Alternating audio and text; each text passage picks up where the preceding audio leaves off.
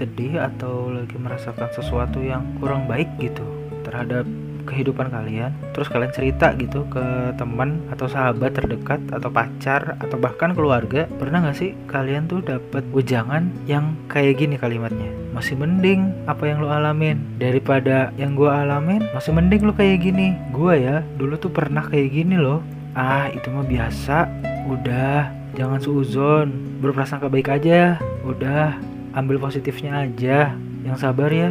Ini semua pasti bakal bisa lo lewatin deh. Pasti kalian sering kan dapat wejangan-wejangan dari ya orang-orang terdekat kalian lah. Di saat kalian lagi ada masalah atau kalian sedang berada di dalam situasi yang kurang mengenakan gitu terus kalian cerita ke orang-orang terdekat kalian. Gak sedikit yang memberikan kalian kalimat-kalimat motivasi tersebut gitu. Nah, tapi kalian sadar gak sih kalau ternyata tuh kalimat-kalimat tersebut tuh sebenarnya bisa bikin keadaan kalian bukan malah membaik namun justru malah membiasakan diri kalian untuk bersikap biasa saja dan memendam perasaan kalian yang sebenarnya gitu. Iya, yeah. kali ini gue bakal ngebahas yang namanya toxic positivity. Mungkin beberapa dari kalian asing kali ya dengan istilah toxic positivity gitu.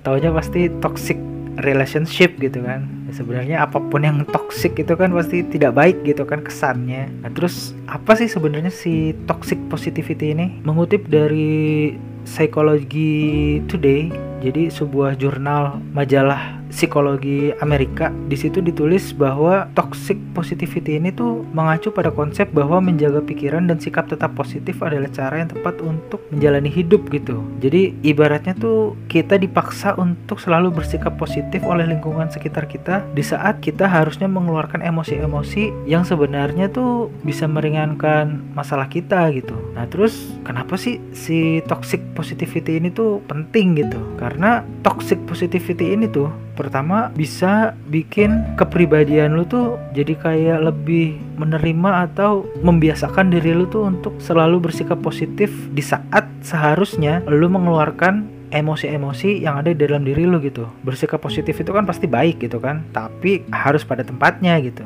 Yang salah sekarang itu kan adalah ketika lu ngerasa sedih lu ngerasa kecewa lu ngerasa dunia ini tuh nggak adil di hidup lu gitu dan ketika lo mencari sebuah pembenaran, ketika lo mencari sebuah jalan keluar, ternyata lo nggak mendapatkan itu gitu. Lo tidak mendapatkan jalan keluar yang lo harapkan. Lo malah mendapatkan kalimat-kalimat penyemangat gitu. Kalimat-kalimat positif yang sebenarnya lo tuh nggak butuh itu gitu. Lo tuh butuh jalan keluar terhadap masalah lo gitu. Lo tuh butuh yang namanya solusi dari masalah lo itu, bukan malah si kalimat-kalimat positif ini. Yang kedua, bahaya toxic positivity ini tuh pada saat kita terjebak di dalam siklus ini, jadi emosi-emosi negatif yang semakin lama kan semakin membesar tuh. Jadi ibarat kata tuh kayak lu nyimpen bom waktu aja gitu. Semakin lu pendem, semakin lu pendem, nah pasti akan ada saatnya di mana bom itu meledak gitu. Sama juga kayak emosi gitu. Di saat lu mendem, lu mendem, nanti akan ada saatnya ketika emosi itu bisa meledak gitu dan itu lu nggak bakal tahu itu kapan gitu. Dan itu bisa terjadi di mana aja dan kepada siapa pun. Syukur-syukur kalau itu terjadi pada saat lu sedang bersama orang-orang yang sudah mengenal lu dekat gitu. Nah apa jadinya kalau misalnya ledakan emosi ini terjadi ketika lu berada dengan orang-orang yang tidak mengenal lu gitu? Itu kan pasti bakal jadi bumerang ke diri kita sendiri gitu. Ke diri lu sendiri ya kan? Nah makanya di sini tuh gue mau bilang kalau nggak apa-apa gitu. Kalau misalnya kita lagi sedih gitu kita sedang merasakan emosi-emosi kekecewaan, kesedihan, kegalauan, terus juga ketertidakadilan dunia terhadap kita gitu. Ya nggak apa-apa kalau kita ngerasa sedih gitu, kita ngerasa kecewa, kita ngerasa kalau ada yang salah di diri kita gitu, itu nggak apa-apa sebenarnya. Justru emosi-emosi yang seperti itu yang seharusnya dikeluarkan gitu, jangan lu pendam aja di hati gitu. Justru pada saat lu sedih ya lu nangis, pada saat lu kecewa ya lu menggerutu gitu. Itu adalah emosi-emosi yang sebenarnya harus dikeluarkan gitu. Bukan malah lo memendam emosi-emosi tersebut dan melihat masa lalu ini tuh dari sudut pandang sisi positif. Sementara si kapasitas emosional lu kan terbatas gitu. Namanya manusia kan bukan robot ya kan?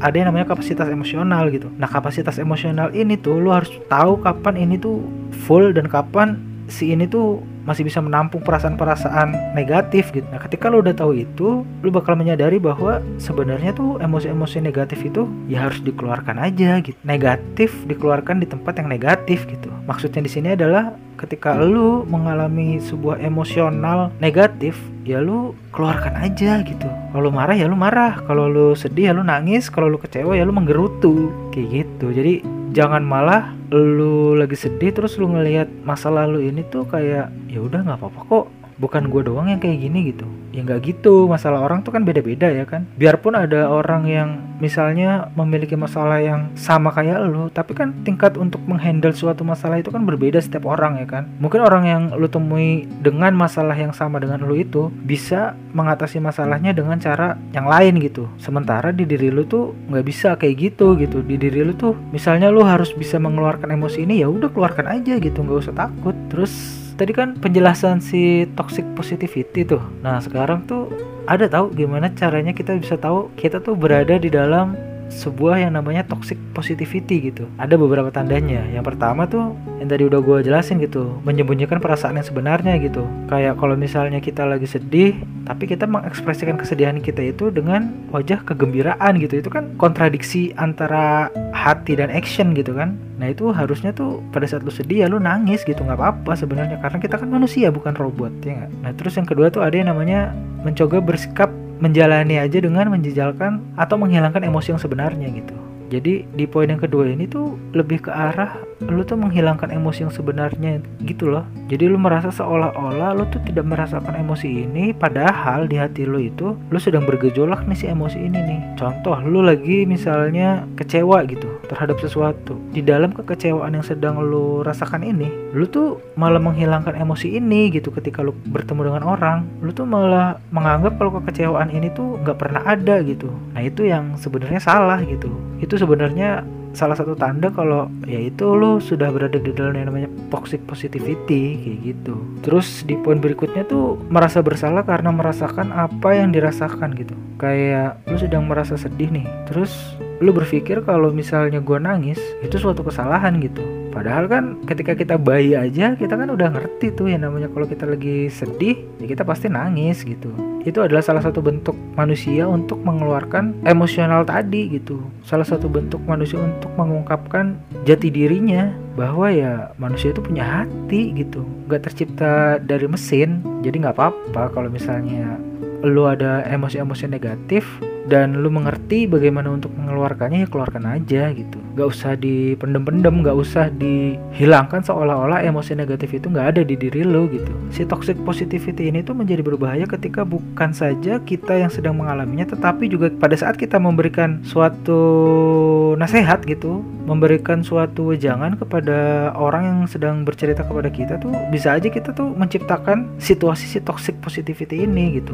Kayak misalnya tadi kan gue bilang kalau misalnya ada orang nih cerita sama kita gitu. Dia lagi sedih gitu. Terus kita respon yang kita berikan terhadap cerita orang tersebut tuh kayak ya udah nggak apa-apa sabar aja ya. Ntar juga pasti ada gantinya yang lebih baik. Nah itu sebenarnya salah satu siklus atau situasi toxic positivity. Kata-kata kita itu toxic positivity itu sebenarnya. Nah terus kalau nggak kayak gitu gimana kita bisa support orang yang lagi kesusahan dong? Gimana caranya kita bisa memberikan support kepada teman atau orang terdekat kita ketika mereka sedang mengalami suatu masalah tanpa kita menciptakan situasi si toxic positivity ini gitu. Nah jawabannya tuh sebenarnya ya kita harus peka terhadap masalah yang orang-orang di sekitar kita alami gitu. Oke contoh tadi, tadi kan gue bilang kalau misalnya ada orang yang cerita gitu, terus kita mencoba menenangkan dengan kata-kata positif gitu. Nah, yang harus ditambahkan di situ selain kita menenangkan dia, kita juga harus berusaha untuk bisa setidaknya meringankan beban permasalahannya gitu. Kayak yang gue bisa bantu apa nih? Lu mencoba menawarkan diri lu sebagai